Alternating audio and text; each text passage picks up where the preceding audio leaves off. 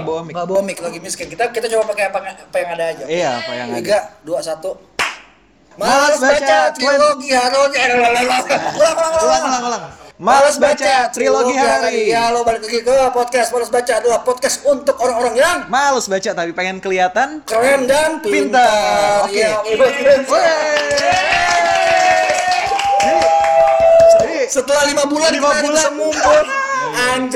Kita berusaha coping up dengan Zoom coba Aduh, ada yang batuk lagi. bubar bubar bubar. Nggak pakai masker, pakai. Woi. Tapi gak apa-apa, kita menjaga jarak, kita ada social distancing Iya. di sini. Ya, hari ini kita akan ngomongin eh, hari-hari trilogi-triloginya. Mulai dari Sapiens, kemudian Homo Deus dan yang terakhir 21 21 lessons for the 21st century. 21 lesson untuk for the 21st Century, century. yes, yes, Oke. yes. Eh, buku ini yang terakhir nggak gue ngomongin langsung ya karena apa namanya kita ngerasa bahwa kayak eh, buku ini B aja gitu anjing Nah, lo. dibandingin sama Homodeus gitu ya, cuman uh, uh, to make things short ya apa namanya di sini ada ada ada gue host monster kalian Nosa, ada Rojak Guys, ya, dan ada Igi di sini. Sebagai Ya, ada Dito dan ada dua orang yang bikin podcast juga. Live and United. Live and United. Live and United. Jadi podcast bola ya kalau bisa dengerin podcast ini karena kalau kalian pengen tahu hal-hal yang menarik soal apa sih? Oke, back story. Dipromosiin. Iya, eh, ada ada fans Liverpool sama Man M- Manchester United itu emang sengit banget kayak pers- apa The Jack sama Speaking, speaking. Ya semacam itulah. Jadi mereka podcast biasanya ada suara pukul-pukul, suara bacokan, Iya kayak adu gitu. pedang gitu kan, Adu pedang. Adu pedang. Plak plak plak plak. Eh, Adu pisang dong. Adu pisang, adu pisang. Nah bedanya sama Live and United kita di sini biasanya ada cewek. Iya, Ada iya. Mana mana mana jihad? Dia belum. Dia coba silakan ngomong halo gitu bilang. Itu, sorry sorry itu itu bohong itu itu suara rojak yang dicari-cariin.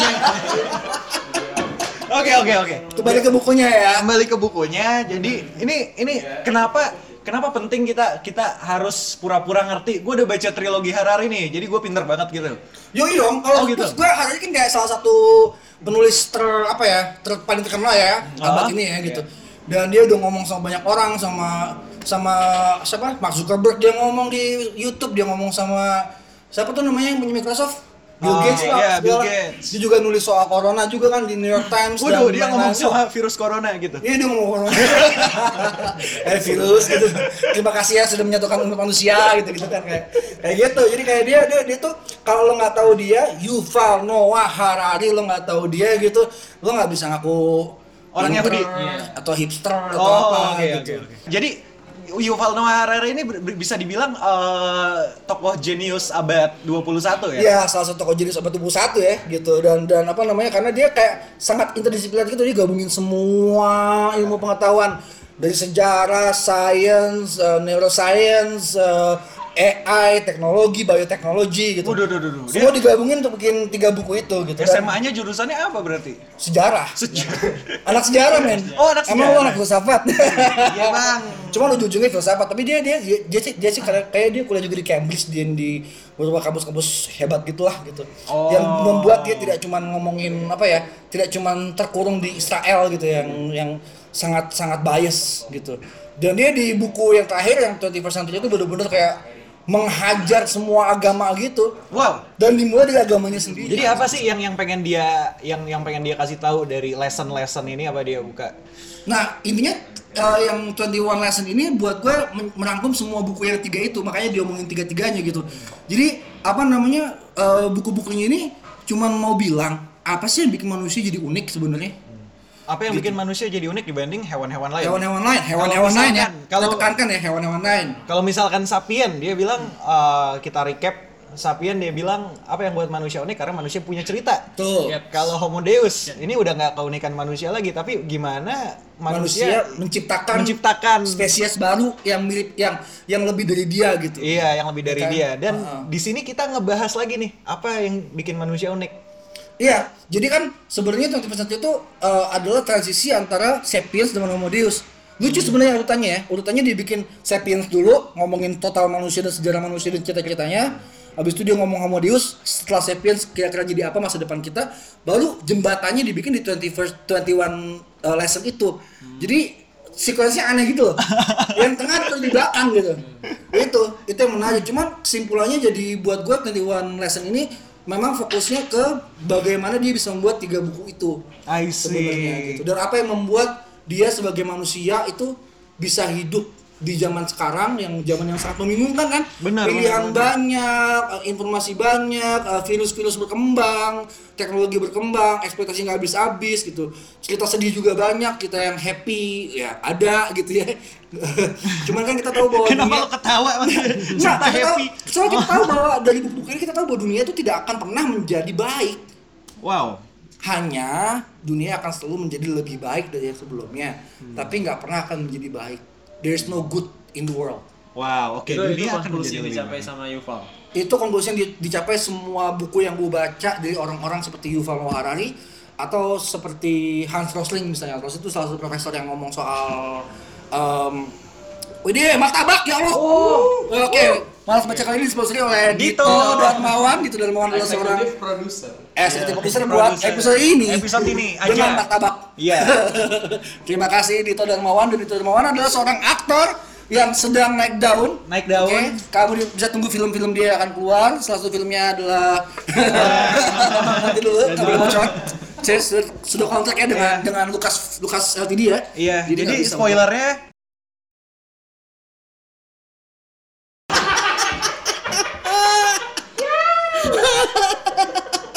Hmm, ya Allah. Allah. Aduh, aromanya martabak banget ya. Bahaya banget. Iya anjir. Hmm. Oh iya, ada di sini ada Akawita Harja, sutradara film yang akan premier Yang akan berangkat juga ke Rusia, Mother Russia, Malaysia. ketemu Vladimir Putin. Ada Lydia Sombing juga. Lydia Sombing adalah seorang kuli kapitalis. Kuli kapitalis dan peneliti ya. Kapitalis, tidak. Kamu kuliah agensi. Kuli agensi. Tapi kalau sambil makan sulit ngomong ya. Hmm, tapi gak apa-apa lo ngomong. Lo, gua, lo, gua ngomong apaan? Oke. Tuh, jadi intinya apa sih? Tadi gua ngomong sama dia gua. Oh iya. Tadi gua. Intinya nggak ada manusia, manusia itu nggak bakal bisa nyampe ke greatest good. Iya. Kebaikan ultimate. Ultimate gitu. Tapi manusia bisa menjadi lebih baik. Iya. Menarik. lebih baik dan kita tidaklah spesial kita unik tapi kita tidak spesial gitu nah eh, jadi kita akan eh, se- secara gamblang tiga buku ini sebenarnya ngomongin satu hal tadi. Ngomongin tentang bagaimana manusia sapiens gitu ya dari dari eh, spesiesnya sapiens ini bisa bisa punya cerita gitu dan hidup based on those stories gitu. Bahwa kita tidak bakal hidup sebagai manusia kalau kita tidak punya cerita. Cerita adalah yang membuat identitas kita cerita adalah yang membuat kita bisa em, mengidentifikasi alam cerita kita gitu gitu dan cerita-cerita ini ada dalam segala bentuk kebudayaan kita teknologi kita cara kita melihat ilmu pengetahuan cara kita beragama Ini belum jauh beda dari Sapiens ya, yang mana cerita-cerita yang termanifestasi Iya. dalam banyak bidang. Betul, betul. Memang Sapiens ini kan memang ngomongin cerita. Nah, bedanya sama 21st Century, di 21st Century dia tes utamanya lebih kepada meng- membuktikan bahwa tidak ada satupun hal di dunia ini yang bukan cerita. Wow, jadi memperkuat tesis Memperkuat dari tesisnya. Sapiens. Iya. Emang itu itu itu menarik sih karena saat ngelihat apa ya banyak-banyak ilmu gitu kan nggak nggak jarang yang mengungkap bahwa ini adalah cerita kita lihat bagaimana filsafat berkembang dari dulu matematika dan lain-lain ya ilmu-ilmu aja cerita tuh seolah kayak milik ranah sastra doang gitu ya Iya, iya dan itu juga kan kenapa karena kenapa ketika Rocky Gerung bilang waktu itu di eh, acara TV dia bilang bahwa agama itu fiksi dan seorang marah-marah gitu. Nah, bukan fiktif ya fiksi Fik- fiksi. Fiksi. Dia bilang fiksi agama itu Bukan fiksi. fiktif, ah. Langsung marah-marah kan semua orang kan. gitu. Padahal menurut Harari memang agama ya fiksi. Iya. dan ini Cerita dimulai nih penyerangan Harari tentang agama dia Tentang sendiri agama dia sendiri dulu diajar di Yahudi gitu. oke gimana tuh dia nyerang itu Ya simpelnya gini, setiap kali lo ngomong soal agama gue paling benar gitu. Itu lo pertanyaan, lo mesti nanya lagi gitu. oke Secara histori agama gue adanya gimana? Gitu. ini ini mirip ini dong mirip authentic facts yang sempat kita bahas dulu juga Oh iya mirip mirip authentic facts memang. Dan yang paling keren adalah dia nggak cuma ngejar agama, sains juga kena. Wow. Oh sains juga bukan fakta, sains itu fiksi. Loh kok bisa gitu? Gitu. iya kok bisa gitu Ujung-ujungnya manusia itu menggunakan cerita untuk menjelaskan sebuah narasi. Lo nggak mungkin bisa menjelaskan, let's say apa? Lo nggak mungkin bisa menjelaskan gravitasi tanpa bahasa. misalnya gravitasi itu dari kata apa gravitae misalnya Gravitae. dari bahasa Latin misalnya. Oke, eh, daya tarik apa itulah ya. Tapi intinya kan itu penjelasan-penjelasan tentang sains juga pakai juga pakai alat yang sama ketika orang menjelaskan soal agama dan Tuhan. Alatnya sama, sama-sama alat komunikasi, bahasa gitu. Dan bahasa ini kan bisa bahasa verbal, bisa juga bahasa gambar, bisa juga Oke, bahasa- berarti kita bisa narik garis angka. ini ya antara narasi dengan cerita.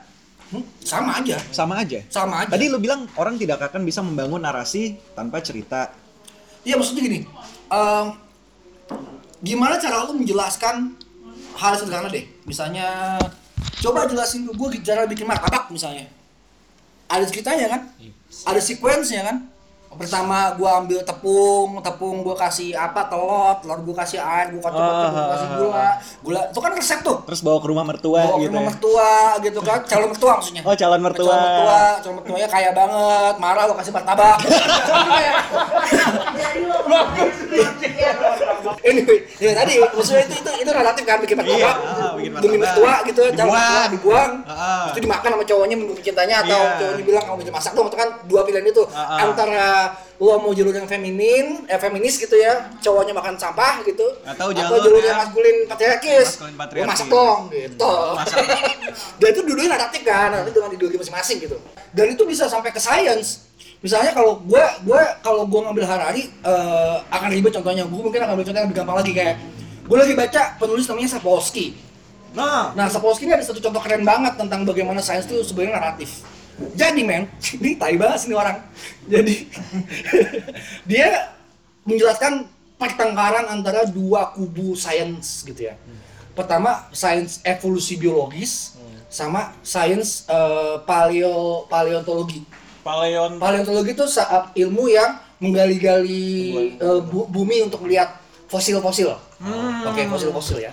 Nah, menurut evolusionis biologi, evolusi itu berlangsung setiap hari, setiap detik, setiap milisecond, setiap kali lo makan, ini martabak jadi sesuatu di badan lo. Terus gua berevolusi di martabak. Lo berevolusi pelan-pelan menjadi manusia martabak misalnya. Wow. Gitu ya. Premis superhero.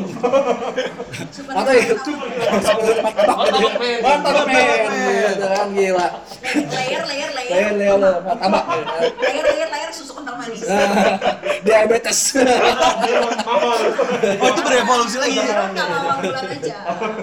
Nah, tapi kan itu kan yang dibilang sama biologis evolusionis Iya, kan. Nah, terus habis itu para paleontologi bilang nggak gitu, evolusi itu nggak berlangsung setiap saat, tapi dia akan ada jump jumpnya, ada Oh. lompat-lompatannya. Eh, kenapa? Karena ada saat di mana ini evolusi itu stabil lama ribuan tahun begitu aja ini dari manusia lah manusia berubah tuh berapa ribu tahun dinosaurus tuh berapa juta tahun gitu aja nggak berubah kan tiba-tiba ada loncatan-loncatan itu loncatan perubahan-perubahan gitu nah itu dari mana loncatan-loncatan itu? Oh menurut paleontologi semua itu bisa dilihat dari eh, apa namanya layer di jurang gitu. Lo lihat jurang nih ada layer batu-batunya kan? Ah, ah. batunya tuh berubahnya gitu. Ada ada batu yang sama lama tiba-tiba berubah tat, tat, tat, tat, berubah gitu. Jadi lapisan segmen batu yang dilihat dari jutaan tahun itu ada saat-saat di mana dia berubah total. Kenapa nggak Dan namanya- perubahan total itu disebabkan oleh banyak hal termasuk climate change. Perubahan iklim Oh, membuat evolusi berubah. Ya kayak misalnya ada pandemi corona nih, kita semua di rumah gitu. Tiba-tiba AK yang tadinya badannya bagus nih, AK WHJ sudah badannya baru bagus kan 5 bulan dia langsung jadi fat boy slim, fat boy slim. Jadi kan kayak gendut-gendut, lucu gitu, cabi-cabi gitu. Tapi kenapa namanya nggak biologi revolusioner? Karena dia evolusi kan, evolusi kan lama. Nah, ini revolusi. Justru Gitu. soalnya dia paleontologi. Nah ini yang, di- yang dibahas. Para biologis evolusionis bilang gini ke paleontologis. Jadi paleontologi udah udah kasih data nih. Ini da- data paleontologi gue nih. Data data bagaimana bumi berubah nih gitu kan. Terus para biologis evolusionis ini cuma ngomong satu hal yang membunuh argumen itu. Apa tuh? Mana data genetikanya yang bisa kita lihat. Data empirik genetiknya mana? Sementara mereka punya itu terus kan. Mereka selalu punya tuh kromosom dia punya apa namanya data RNA, DNA gitu. Yang kelihatan jelas. Sementara kan kalau misalnya lo ngomongin fosil, fosil kan scattered man. Lo nggak bisa dapat utuhnya lama banget dapat Hmm, utuh fosil. benar, benar, benar. Dapat fosil utuh tuh kayak dapat apa ya mamut di es gitu yang yang yang yang sedikit banget kan mamut di es atau mummified something yang kayak mumi gitu mumi alami yang lo bisa dapat dagingnya kulitnya gitu sehingga see, dapat ya. DNA-nya DNA itu karena nggak punya bukti DNA maka para paleontolog eh, paleontologis dibubarkan sama orang-orang yang biologis evolutionis. Nah, yang menang tentunya biologis evolutionis kan. Betul. Itu menang sampai tahun 1990-an. Jadi dari tahun 60 sampai 90-an tuh orang percaya bahwa evolusi itu berlangsung eh, setiap hari setiap detik gitu ya. Padahal yang benar adalah si paleontologi Oh, wow. ketika ketemu teknologi carbon dating, ketemu bagaimana ngambil DNA dari tulang, kelihatan bahwa enggak benar kata paleontologi ternyata. Tapi kenapa selama 30 tahun mereka disingkirkan dari dari sains? Karena apa? Karena paleontologi ini di kampus, di kampus-kampus mereka rata-rata mereka semua Marxis. mereka gabung ke ke, ke, ke mahasiswa kiri. Terus para biologis evolusi ini rata-rata semua orang kanan. Kan anjing ya. Bentar, bentar. Jadi kita tadi bahas serius-serius tentang tentang gen, tentang apa eh, apa DNA, DNA terus tiba-tiba karena mereka semua Marxis gitu ya. Tai banget. Tai banget kan pecah kan? Iya. Kenapa? Karena kalau lo Marxis, lo, lo bias. Enggak, jadi lo, kanan lo bias, lo Marxis lo bias. Kalau yang kanan, yang kanan nih para evolutionist biologi ini percaya bahwa hidup itu soal kompetisi. Wow, survival of the fittest, liberalism, kapitalis, pasar gitu. Semua mesti ber- bertarung apa segala kompetisi. Sementara para sosialis Marxis ini kan berpikirnya kan enggak dong. Akan ada masa stabil-stabil ini. Masa stabil adalah masa damai, masa utopia, masa di mana semua orang nih kesehatan terjamin negara gitu kan. Pandemi kayak gini, virus corona semua orang dapat vaksin kan gitu. Ah, ah. Tapi kan kalau kapitalis nggak gitu, kapitalis eh vaksin siapa nih yang paling bagus? Kalung kali. Vaksin Gitu kan? Kalung kali. Kalau atau nyuntik disinfektan, Nyuntik ya disinfektan. Ah, kan, kan tuh nyuntik disinfektan. Eh, pinter, pinter kan? Oh gila, cerdas. Besok gue bikin kopi campur antis kali itu ya. Warkop anti corona namanya. Yo, anti corona. Nggak, tapi teori paleontologi itu sampai sekarang masih valid. ternyata benar paleontologinya benar cuman ketika tahun itu mereka mengungkapkan itu memang mereka bias. Tapi dan dan dan dan dua-duanya bias. Dua-duanya bias. Dua-duanya bias ini akhirnya disesuaikan dengan apa? Dengan seorang ibu-ibu. Ini ada ibu-ibu nih. Ibu-ibu yang jarang ke- keluar rumah. Ngurusnya kecambah aja di rumah. Dia punya kacang-kacangan gitu di rumah. Siapa? Mendel. gue lupa namanya siapa ibu-ibu ini. Eh, tapi intinya si ibu-ibu ini menemukan bahwa evolusi memang bergerak dengan cara kayak gitu Itu bukan ibu-ibu kali. Ibu-ibu, ibu-ibu anjing. Enggak ada ibu-ibu di sini anjing, ibu-ibu anjing. Ibu-ibu anjing di sini. anyway, ibu-ibu ini menemukan bahwa teori paleontologi itu benar dan dia sempat disingkirkan juga tuh selama bertahun-tahun. Gara-gara dia Gara-gara dia Marxis? ngomong benar. Oh. Dia nggak Marxis. Oh dia nggak Marxis. Dia juga nggak kanan. Ah, ah. Karena dia cuma ibu-ibu yang cuma mau ngurus apa aja. Dia nggak sama yang lain. Yang Jadi ketika kecambahnya doang. kecambahnya doang ketika dia dapat Nobel, ketika dia terbukti dia benar dengan semua sequence DNA dan lain-lain itu terbukti dia benar, dia dapat Nobel. Setelah dapat Nobel dia bilang ke dia diwawancarakan sama wartawan. Dia cuma bilang bahwa eh, apa yang kamu akan kerjakan habis ini dengan hadiah Nobel ini? Oh saya cuma akan kembali ke rumah dan ngurusin kecambah saya gitu. Jadi itu kan dulu dulu dunia ini nggak ada yang lain gitu. Mak mak for life gitu. Udah hidup gue itu doang Oke, hidup gue untuk kecambah dan dan kecambah ini justru membawa lessons ya untuk kita di Iya, abad iya, ini. karena cuma dia yang fokus aja cuma ngurusin kecambah gitu. Ya udah kayak ahli kecambah paling gila di dunia ini. Dia kalau kalau gue ngurusin pisang terus bisa kayak gitu kali ya menang Nobel. Wow. Boleh. Bang Rasa mau nanya, ngurusin kecambahnya tuh ngurusin kecambah dengan ininya nggak sih? Tangan- lab lab lab. Oh, lab. Dia punya lab di rumah. Oh, gua- gua Gitu kira. ya? Oh. Ada tanahnya, ada ada rumah kacanya gitu. Jadi dia emang kayak punya kebun-kebunan gitu. Kembali ke alam dong. Kembali ke alam. Cuma dia bukti itu kan, dibuktiin itu kan. Dan Iya, iya, iya. dan bagaimana itu bisa apa namanya kembali ke Harari ya. Kita bisa lihat bahwa lompatan ini, lompatan evolusi ini terjadi tahun 1800-an sampai tahun 2000-an sekarang. Wow. Oke, itu 100 tahunan industrialisasi Oh. bertemunya industrialisasi ada lab-lab pengembangan-pengembangan teknologi eksploitasi alam habis-habisan. Ini adalah global warming kelima apa keenam ya kita sekarang ya. Cuma ini paling cepat global warming ya karena kita habis-habisan ngabisin alamnya. Jadi kita ini membawa kiamat ke kita sendiri sebenarnya. Oke oke. Jadi kan Harari bilang ada 21 lesson. Ayo ini di bukunya itu ada lesson number one, lesson number two. oh ada tapi gue nggak mau ngulang kesalahan yang sama waktu gue bikin soal 21 things you 21 don't know. things you don't know about capitalism Capitalism in Nah. 21st century. Ayo, Santai itu kan kita udah ngomongin itu kan terus kita nggak nggak nggak selesai kan ya podcastnya Iya. anjing panjang banget ngomonginnya gitu kan jadi kita nggak langsung ngomongin 21 lessonnya Oke. kepanjangan Jadi kita singkat jadi lesson. Kita kita padahal lagi teologi. Teologi cuman kita nggak ngomongin dua dua lessons. Jadi cara berpikir aja nih. Nah lagi-lagi balik ke naratif kan. Ke Ah, kita benar, nih. benar, benar, Daripada bunyi tentang atau satu buku satu buku gitu kan. Mendingan tiga buku sekaligus kita, kita omongin. Cuman key pointsnya doang aja. Oke, jadi sebenarnya yang yang miss itu kalau gue lihat adalah dari Sapiens dari cerita menuju ke Homo Deus dan buku terakhir ini mencoba menjembatani antara Sapiens menjadi Homo Deus Iya. gitu. Menjembatani evolusi yang Iya. ya sangat jauh kan sampai ke Deus. Kenapa bisa jauh? Karena ada satu era yang kita sekarang lagi ada di 21st century. Apa itu? Post truth.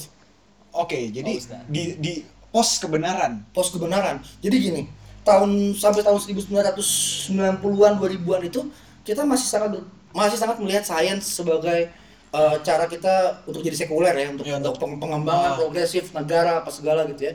Tapi kan terbukti bahwa sains-sains modern ini juga membawa banyak masalah ya gitu dari alamnya kacau, climate change juga hancur-hancuran, Betul, betul. semua kacau-kacau dan banyak orang jadi bingung kan, apalagi dengan internet dan semua hal informasi yang nggak ada habis-habisnya. Mulailah era post truth ini sebenarnya udah lama. Post truth ini sebenarnya dari dari ketika orang menemukan kertas dan dan alat tulis. Oh gitu. Karena post truth itu sebenarnya adalah bagaimana lo mengarang cerita itu. Logikanya kalau semua hal adalah cerita, lo bisa karang sendiri dong ceritanya. Iya, betul. Lo bisa bilang itu fake news, ini fake news, Eh, bumi datar gitu, ya kan?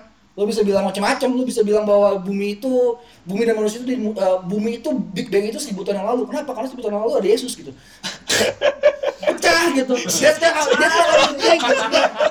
Nggak gitu. Si, si, si. Tapi gue ngomong sama nyokap gue ketika gue ngomong uh, soal tahun 1000 tahun tahun berapa gitu, gue nggak ngomong sebelum Masehi ya, gue ngomong tahun Masehi aja. Nyokap nanya, itu zaman itu Nabi Adam ya, Nos? Nabi Adam, noh. Timelinenya tuh kayak ngaco gitu loh.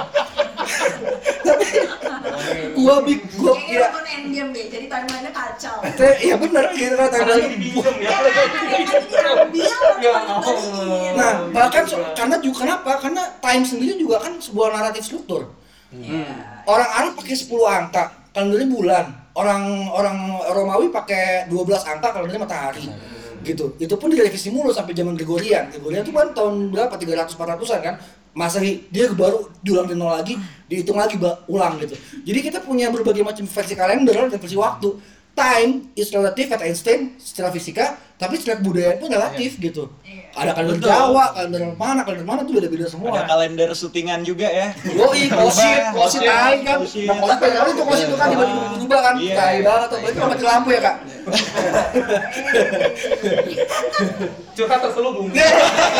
Cilbung, cilbung, tidak terselubung. Anyway, gitu maksud gue. Naratif ini jadi bahaya ketika post ini masuk. Jadi di antara Sapiens dan Deus, Sapiens ini paling bahaya ketika cerita-cerita yang dibangun yang tadinya based on data, eh, karena datanya juga berubah-berubah, orang pada bingung kan. Tapi kalau data berubah itu kan karena di-update ya, Hmm, betul. gitu kan? Kita awalnya tahu bahwa bumi mengelilingi matahari diupdate oh eh enggak matahari mengelilingi bumi diupdate bumi mengelilingi matahari. Terus lama-lama kita tahu bahwa ada planet-planet lain. Kita kan update terus kan? Gitu. Sampai kita hari ini tahu bahwa ada black matter eh, dark matter di luar angkasa sana gitu. Itu kan update update terus kan? Ah, ah, ah. nah update ini pada zaman bapak kita tahun 2000-an atau 90-an tuh itu lama update jadi oh, orang langsung- sekarang itu sekarang cepat ah, banget Twitter cet cet Twitter langsung ngomong tentang ada seorang perempuan yang bikin foto black hole kelihatan jelas gitu di luar Iya, sana. langsung Gitu kan atau kita sampai ke Pluto hari ini gitu. Itu cepet banget. Dan kecepatan ini membuat orang pada gagap. Sapiens udah gagap. karena nggak bisa ngimbangin data ya. Nggak bisa ngimbangin data dan jangan lupa bahwa di Homo Deus ada agama baru yang paling tinggi sekarang kan data, Data. data, agama data. Dan itu yang akan menciptakan Homo Deus itu. Homo Deus. Deus akan Homo Deus akan keluar dari agama data, bukan dari agama agama kita yang lama-lama ini. Nah kan akhirnya kan kita berusaha untuk survive dengan jadi manusia percaya sama cerita, Hmm, Iya kan? benar. Iya kan? Kita- kita Kita, berusaha sama cerita agama, kapitalisme, dongeng ini kita percaya semua karena kalau nggak ada dongeng kita nggak jadi, kita nggak jadi orang. Hmm. Kita bisa jadi Deus gitu. wow, nggak kepikiran. Nggak masuk, nggak masuk. Di di. Nggak masuk akal. Nggak masuk akal gitu kan. Satu nol, satu nol, satu nol. Satu nol iya. What is the secret of life 42 gitu kan. 42. kalau nonton di Secret the, the Galaxy itu filmnya kan itu the, the, the, the- apa namanya eh apa sih namanya The Secret of Life namanya itulah pokoknya 42 itu adalah angka angka kehidupan. Oh, Kalau di film 42. itu bohong Bukan sih. 69. 69 bisa enak. Bisa. Yin yang. Yin yang. yin yang. Oh, Iya. yin yang. Masuk Iya. cerita paling masuk akal. 69 itu yin yang. Iya dong. Nah, itu juga sama tuh cerita soal binary. Binary itu kan Iya, binary kan oposisi binary itu kan sesuatu Ah, ah. yang sangat simpel ya. Betul, betul. Ada jahat, ada Baik. baik. ada benar, ada salah, ada terang, ada gelap, ada Tuhan, ada setan gitu ya. Iya, iya. Gitu. Nah, tapi uh, ada miskin ada kaya. Tapi hari ini binary ini udah nggak work, man. Nggak Iya, work sama jadi sekali. spektrum kan, iya nggak sih? Kan ada spektrumnya. Ada spektrum gitu ya. dulu ada laki-laki perempuan sekarang ada LGBTQAB C D, E, anjing banyak banget spektrumnya pusing Kasih plus. kasih plus plus plus plus kan gitu kan kayak anjing banyak banget Homofobik kalau Ah, salah diserang Apa? Twitter. Awas kamu diserang di Twitter kalau salah nyebut. ya serang aja udah sapiens kalian semua aja sapiens itu kan gitu berantemnya sama- berantemnya sama cerita Berantemnya sama cerita. cerita tuh cerita gitu kan fuck Berarti saat kita lepas dari cerita dan melalui agama data ini Harari nyerang apa aja nih? Nyerang nyerang ceritanya. dia nyerang cerita abis-abisan Dia nyerang cerita abis-abisan melalui Mel- melalui semua kritik bahwa ini sebenarnya kan sangat dari dia nih, sangat dari dia banget. Ah, ah, benar. Di dekonstruksi cerita-cerita ini, dilihat sama dia semua titik lemahnya, runtuh semua lah cerita. Kan kita punya struktur, Oke. gitu. Yang nggak ada strukturnya kan data, data mentah tuh nggak ada strukturnya. Data Data baru- mentah harus distrukturin dulu baru bisa Ah, dibaca, ba- baru bisa betul. dibaca, Ah. gitu. Nggak ada artinya ada apel jatuh ke kepala Newton kalau dia nggak bisa membaca itu. Ada apel jatuh ke kepala Newton. Ah, ah. Anggaplah apel jatuh ke kepala lo, Jak. Iya. Nggak ada arti apel jatuh, cuman aduh ada apel gue makan gitu kan. Iya, gua Tapi makan. kalau Newton, Aduh. apel jatuh, gravitasi, oh, anjing. Dia kan kayak, "Fuck, gravitasi. Gravitasi, Tuhan ya. Archimedes mandi air tumpah. Eh, tumpah jadi hukum Archimedes. Hukum Archimedes. Kita mandi sabunnya mana? kan gitu kayak masalah ceritanya siapa aja ini kan gitu. Karena dulu belum ada sabun, jadinya dia mikirnya ya udah mandi aja. Kan Archimedes ada di era belum ada sabun. Tapi kan udah tuh kali. Jangan terima banget ya. Tidak terima sekali. Makanya udah lekas aja tuh kulit tiba-tiba. Kaki. Enak tau tuh. Kaki hilang semua tau nggak? Gila udah tuh kali. Gila. Itu adalah solusi dulu. Yoi, sekali. Gila. Sekarang masih loh. ma- Oke oke oke. Iya apa apa sih tadi tadi gue masih penasaran dia gimana sih uh, Harari ini ngedekonstruksi agama dia sendiri. Ya paling gampang adalah dia curhat tentang curhat. bagaimana dia menjadi Tawanan eh, Hitler. menjadi eh, apa namanya dia ngomongin Hitler sebagai oke ini Hitler dan na- nasionalisme parah nih Ah, itu juga cerita kan cerita bahwa oh ceritanya adalah gua ras paling tinggi Iya. ras lain lebih rendah itu iya ceritanya ceritanya cerita Orang Hitler. dibikin percaya sama cerita itu Betul. gitu kan. itu bunuh-bunuhan tuh dibunuh Iya. sama Yahudi kan. Ah. atau, di, atau dikasih di gas chamber lah apa segala tapi Yahudi juga punya cerita yang sama jangan jangan menyalahkan Hitler doang yang membunuh-bunuh kayak gitu Yahudi juga pernah bantai orang Islam pernah sekarang bantai Pernah. orang ya tapi Kristen juga pernah bantai orang Iya. gitu Itu gue pernah kepikiran sih kayak ini gue kan gak terlalu paham sejarah ya, cuman lucunya tuh kayak kayak dulu waktu belum ada Katolik muncul kan adanya Katolik dulu. Katolik dibantai sama Roma. Terus Katolik naik, muncul Protestan sama Islam itu dibantai. Terus Islam Islam maksudnya Kristen naik, banyak Kristen ngeben- ngebentuk apa Kristen tuh ngebantai Islam. Jadi gue pikir gini sih kayak apakah itu nature-nya human ya untuk saling ngebantai satu sama lain ketika dia jadi naik terus dia ngebantai yang kecil dia naik jadi ngebantai yang kecil? Nah nature utamanya sih ceritanya. Oke. Cerita itu nature utamanya gitu. Nah ceritanya kalau soal agama sih masalah kontrol Tuhan siapa yang paling gede. Kontrol Tuhan apa kontrol Tuhan gue gede siapa ayo bilang gitu kan. kontrol Tuhan gue dong Apakah ada kontolnya?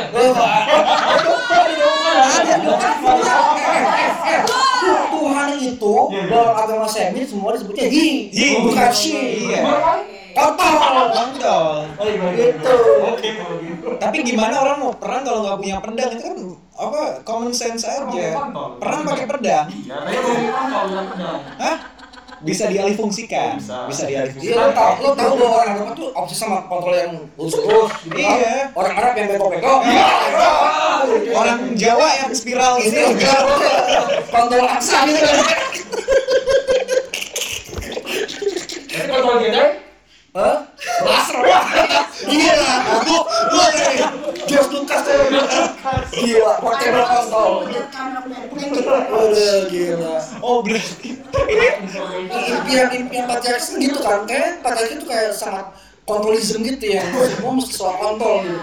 Goblok banget. Berarti soalnya gue pernah nulis soal itu gitu. Jadi kayak itu mengganggu pikiran gue gitu. Apakah memang nature manusia tuh mengkudeta satu sama lain gitu. Kayak kalau misalnya kayak dulu Romawi Kaisar Nero dia ngebantain Katolik yang waktu itu jumlahnya masih 500 orang. Terus Katolik jadi besar muncul Protestan sama muncul Islam dibantain coba diusir. diingat lagi tuh bantai semuanya jenis kelaminnya apa? Semua punya kontol.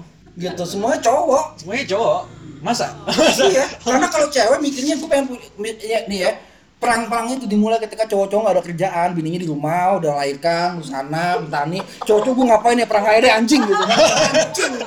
Kayak bapak-bapak main catur gitu ya. Iya iya tapi kok segampang tawuran SMA ya jadi Ya. Emang segampang itu kan. Segampang itu segampang kan? itu. tinggal cari masalah aja kalau udah eh, waktu kecil dia masalahnya gebetan gue digebet sama anak SMA 128 misalnya. Itu SMP 128 habis itu kalau kalau kalau udah gede eh, Tuhan gue digebet sama si Ano kan gitu kan kayak itu aja gitu masalah-masalahnya ya kurang lebih gitu-gitu doang Tapi terlepas terlepas dari eh, pedang dan pisang.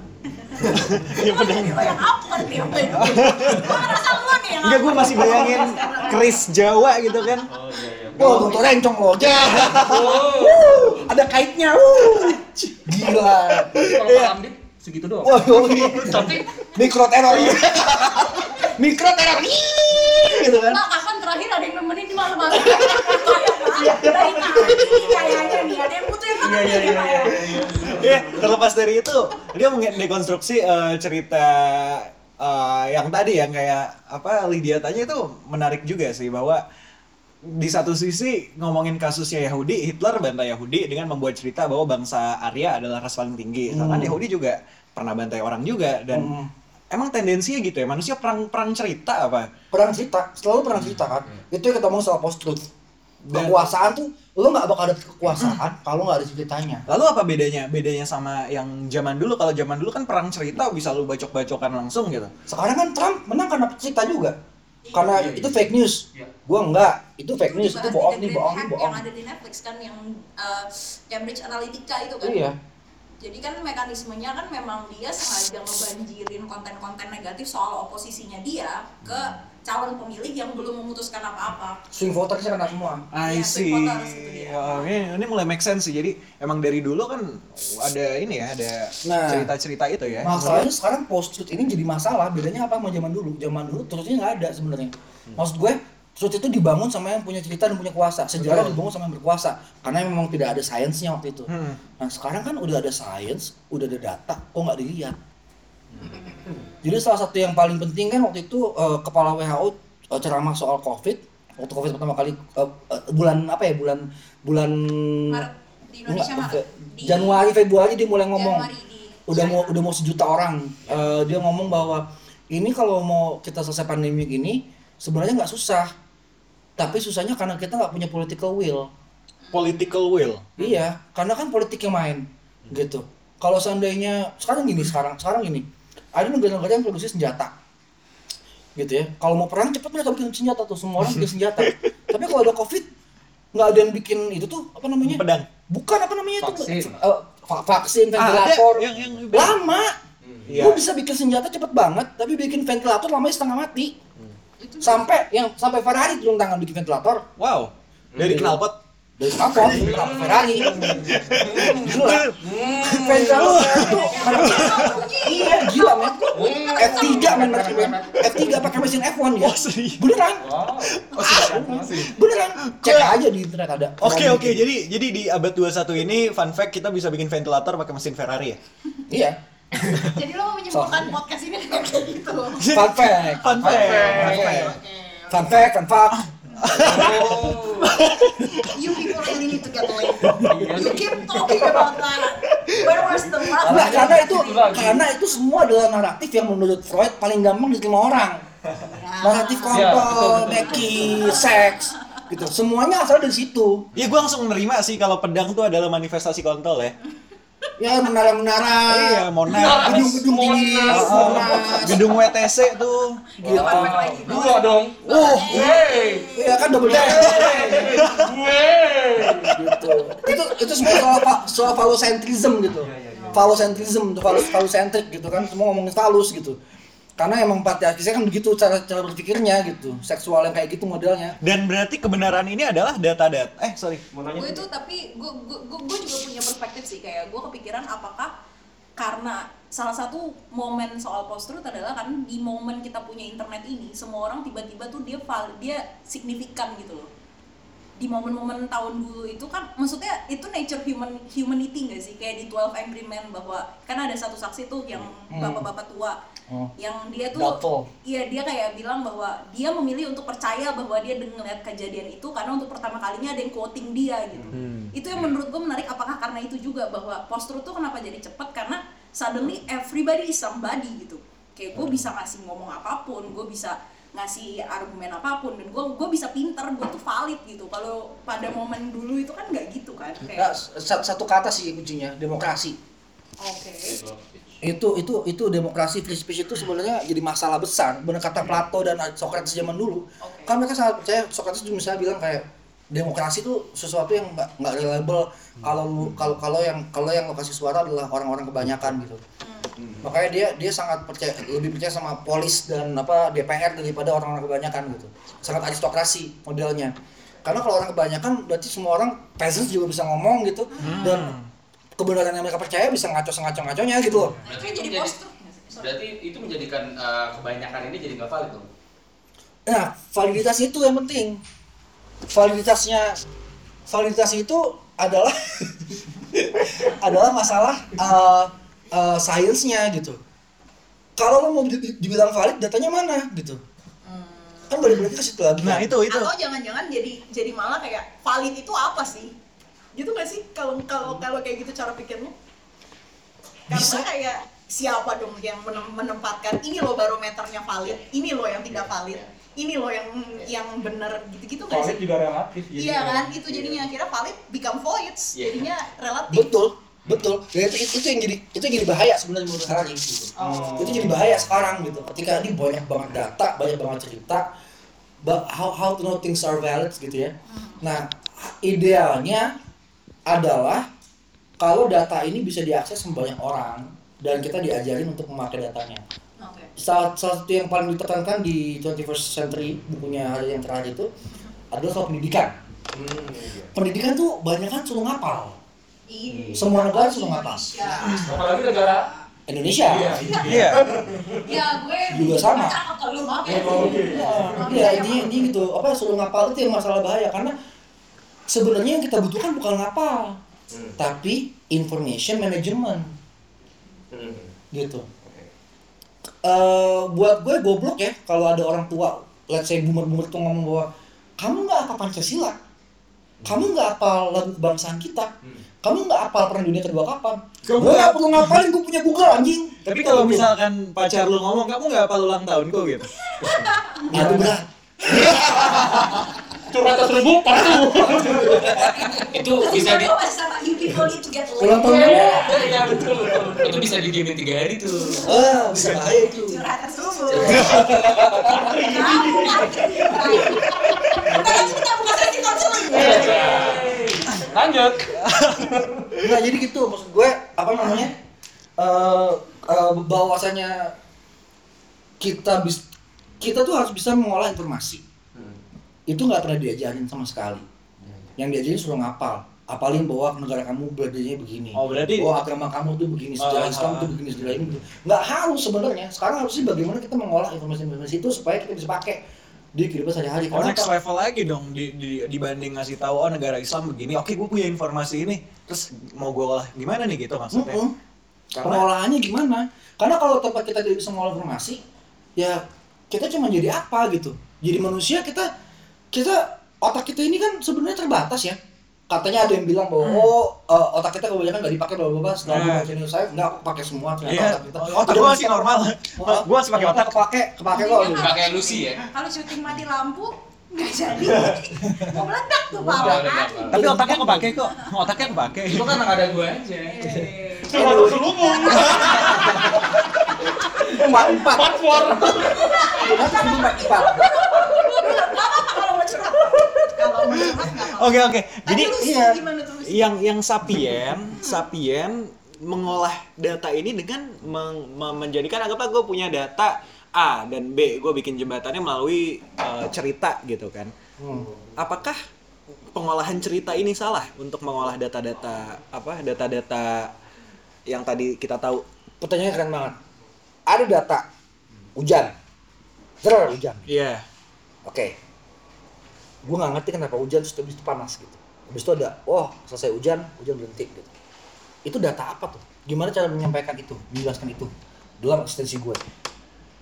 Oh, ada dewa di sana di atas sana dia bersin gitu kan. Acur, wah, Waduh, semua gitu kan. corona semua Hujan asam gitu. Bersin loh, bersin. dewa bersin di atas sana gitu. Itu kan naratif. Eh, ya kan naratif gitu. Habis itu naratif itu telah membuat eh, kita bisa menjelaskan bahwa oh ada dewa, ada apa pengaturan-pengaturan struktur kehidupan kita betul gitu. dan kalau matematika IPA sains naratif juga ya sama aja penjelasan juga Sama aja. Nah, bedanya apa? Bedanya kalau dulu untuk menguasai orang lo pakai ceritanya bukan datanya. oh I see Dewanya siapa yang bersih? Dewa gua apa dewa lu? Enggak, gua ngeliatnya cewek, enggak gua ngeliatnya cowok, gua ngeliatnya tak satu dewanya gua ngeliatnya banyak. Akhirnya gitu. dewa gue kontrol Kontrol kan gede dewa gua, udah lagi. Bahasannya kembali ke kontol Kembali lagi. ke kontol. eh itu keren tuh jadi jadi kembali ke kontol. Dia yang kontol. kontol. kontol Ya, Boleh ngomong kontol Ah, tapi itu menarik loh yang mendikte ini siapa harusnya eh, sekarang jadi gini kalau kita lihat kekuasaan itu berubah tadinya kan ada yang namanya sovereignty atau kedaulatan didikte sama penguasa-penguasa penguasa punya cerita dia tekankan dengan tentara-tentara dengan perang-perang gitu dia menguasai sebuah daerah dan dia berkuasa terus dan mengaku bahwa gue adalah keturunan dewata anak-anak gue keturunan dewata semua anak-anak gue jadi raja gitu ya. Iya. Itu cerita yang paling gampang. Tapi lalu muncul demokrasi dan governmentality. Wah ini yang ditanya dia tadi nih. Pemerintahan. Pemerintahan ini bedanya gimana? Kalau sovereignty menurut Foucault, Foucault bilang bahwa kalau sovereignty ini lo membunuh orang untuk mempertahankan kekuasaan lo. oke. Tapi kalau governmentality, lo membunuh orang untuk kepentingan bersama-sama. Kalau zaman sovereignty, Oh, misalnya, oh ini ada aktivis nih, aktivis ini ngemeng nih, ngemeng dia ngemeng terus nih, gue bisa kena nih kalau dia ngemeng, anak gue gak jadi pres- presiden gitu kan, atau anak gue gak jadi raja, bunuh, hilangin gitu, ya kan? Tapi kalau kalau governmentality dia akan bikin si aktivis ini jadi kriminal sehingga kalau dia ada, ini semua kita akan kena nih, gitu. Maka dia kita bunuh, oke Kita lalu hubungannya apa? Governmentality dengan? Gitu. Governmentality dengan sovereignty kan. Iya, Nah, untuk membuat governmentality, lo harus punya data. Hmm, yang lo ajukan ke masyarakat supaya masyarakat percaya bahwa orang itu pantas dibunuh. Atau policy ini patut dilakukan. Bahwa misalnya oh gue mesti bikin omnibus law karena omnibus law Iya. penting buat kita semua gitu. Oke. Ya kan? Selain Transjakarta omnibus law penting. Ah. Iya. Atau RUU PKS itu tidak bisa dilakukan karena kalau harus PKS dilakukan gitu. intinya adalah kalau kalau itu dimin gitu ya apa namanya semua hal ini di apa eh, intinya adalah governmentality itu berusaha membuat sebuah naratif yang dia pakai basis data dia pakai teori-teori kritis gitu ya entah itu developmentalisnya Rostow lah bilang bahwa oh kita mesti KB dan lain-lain. Itu kan pakai data riset dan lain-lain itu yang diajukan gitu. Nah yang mesti dilihat lagi adalah riset data itu juga semua naratif untuk mendukung sebuah kepentingan gitu loh. Ujung-ujungnya ke situ. Salah juga. Gitu. Akhirnya nah yang paling benar yang mana? Ujung-ujungnya kan kita mesti bisa sehat sebagai orang yang melihat data dengan benar dengan Hmm. benar artinya dia ada komparisi data ada diskusi yang sehat penelitian lab. Lab ini sangat dibutuhkan kan di Homodius dibilang bahwa masa depan ada, ada di lab ada laboratorium penelitian gitu. Bukan bukan ada di cerita sebenarnya.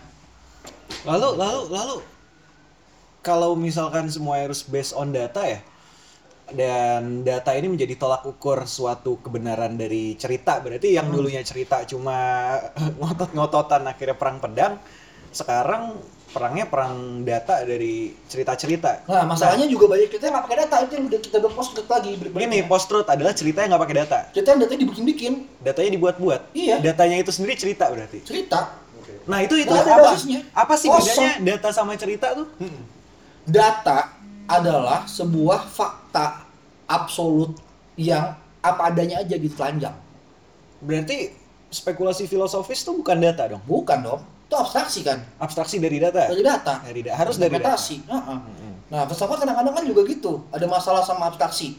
Seringkali filsafat itu kan banyak dibubar-bubarin sama kampus-kampus teknik Iya, teknokrat betul, karena betul. dibilang bahwa basis datanya nggak ada. Gitu. Sangat abstrak. Jadi udah udah abstrak diabstrakin lagi. Abstrak bisa wah berapa kali turun tuh abstraknya. Jauh banget sama datanya gitu. Ah, ah, ah. Gitu. Ketika itu yang terjadi datanya jadi mitos. I Gitu. see. Kalau udah pakai mitos jadi masalah dong. Jadi kalau kita balik ke Homo Deus adalah kita kan nggak tahu ya kayak apa bentuk Homo Deus nantinya.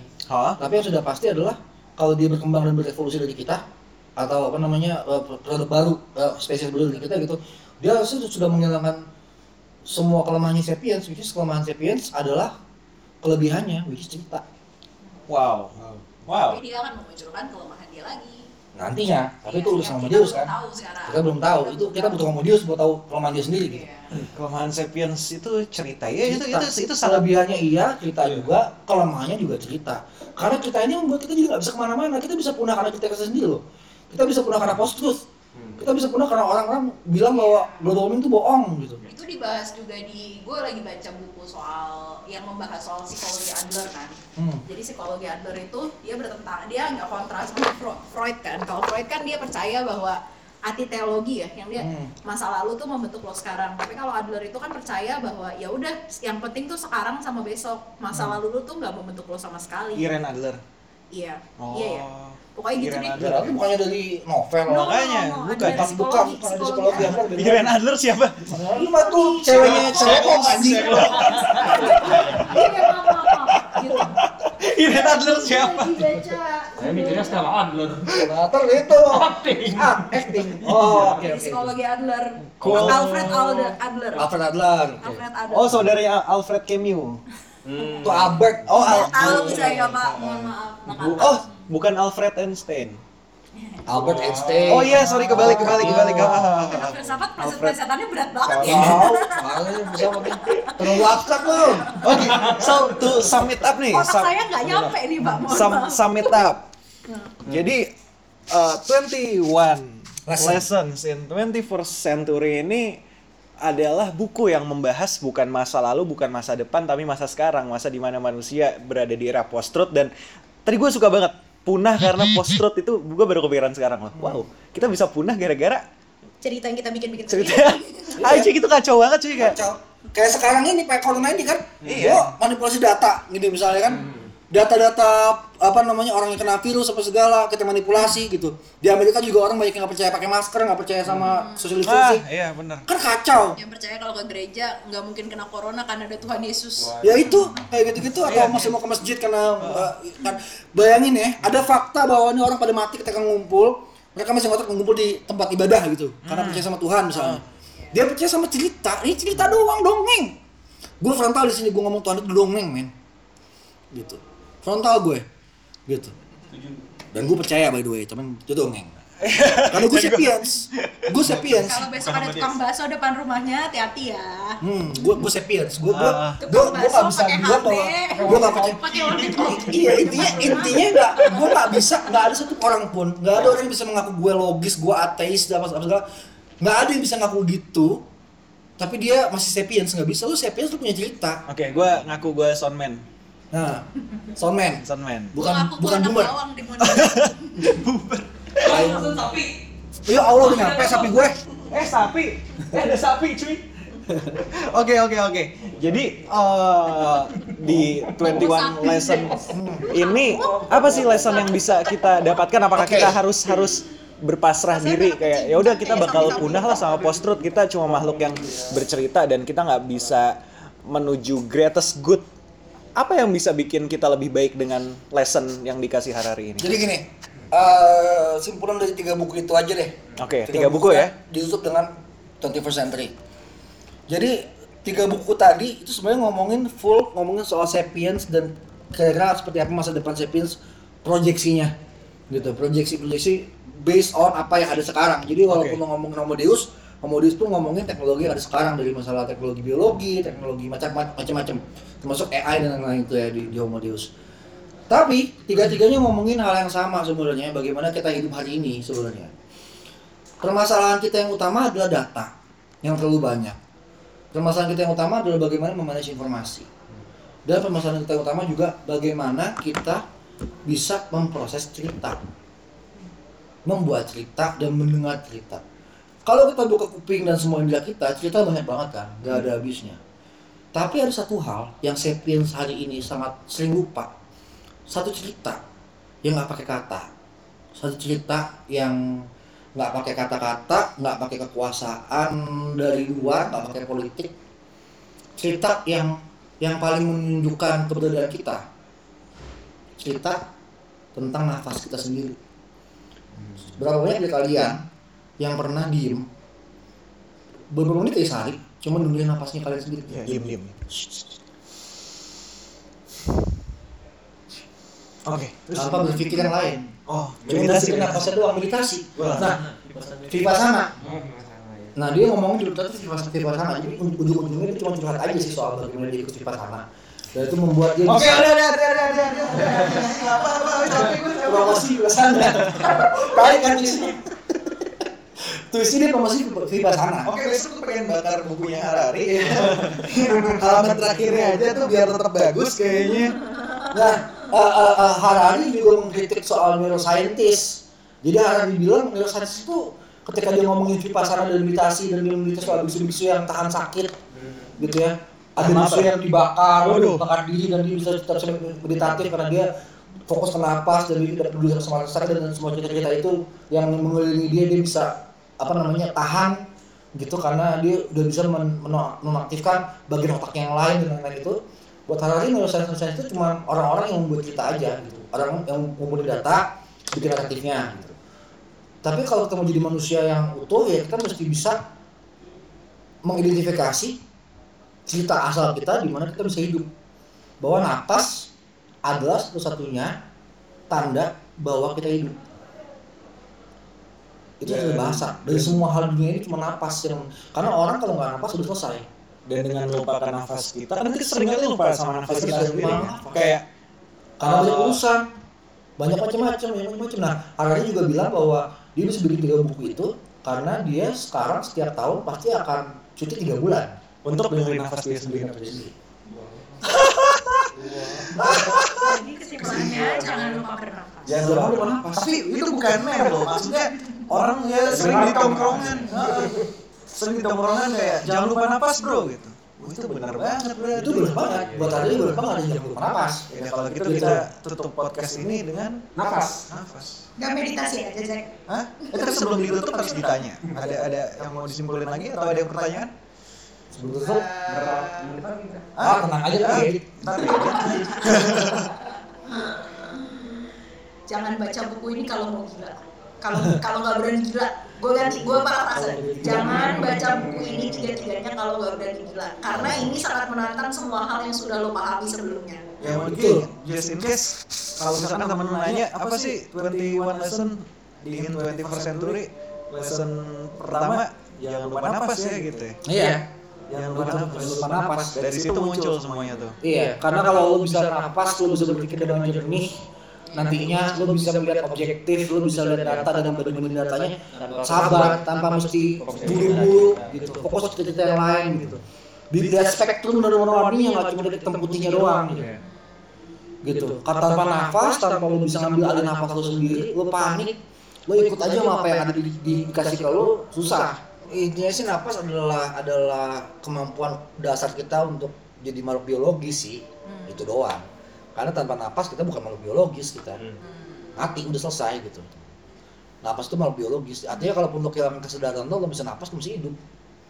Gitu. Nah, iya benar saat Iya kan? orang udah meninggal dijedek-jedek jantungnya ngerol gitu napas kan. dulu kan itu sih inti utamanya sih itu gitu Soal yang lain gak penting-penting amat sebenarnya maksud gue semua cerita ini gak ada habisnya Iya kalau ngomongin cerita kayak Iya. ya anything but Amin ya melalui nafas kita bisa Cuma napas yang ada habisnya. mengungkap ya. Iya. Cuma nafas yang ada. Ada habisnya. bisa napas. Iya. gue gue pernah denger siapa ya apa Confucius atau salah satunya dia bilang kadang-kadang manusia sebenarnya hidup itu simpel tapi kadang-kadang manusia memaksa itu untuk, untuk mem, apa Ribetin. ngeribetinnya gitu. Interpretasinya yang ribet-ribet itu Iya. pramudia tuh. Itu Ini sederhana, interpretasinya yang susah, yang rumit. interpretasinya. Jadi ya stop interpretasi dan mulai bernafas. ya. Napas dulu aja kita. nafas dulu aja Napas guys. nafas yuk Napas, napas. Ngomongin apa gitu Anjing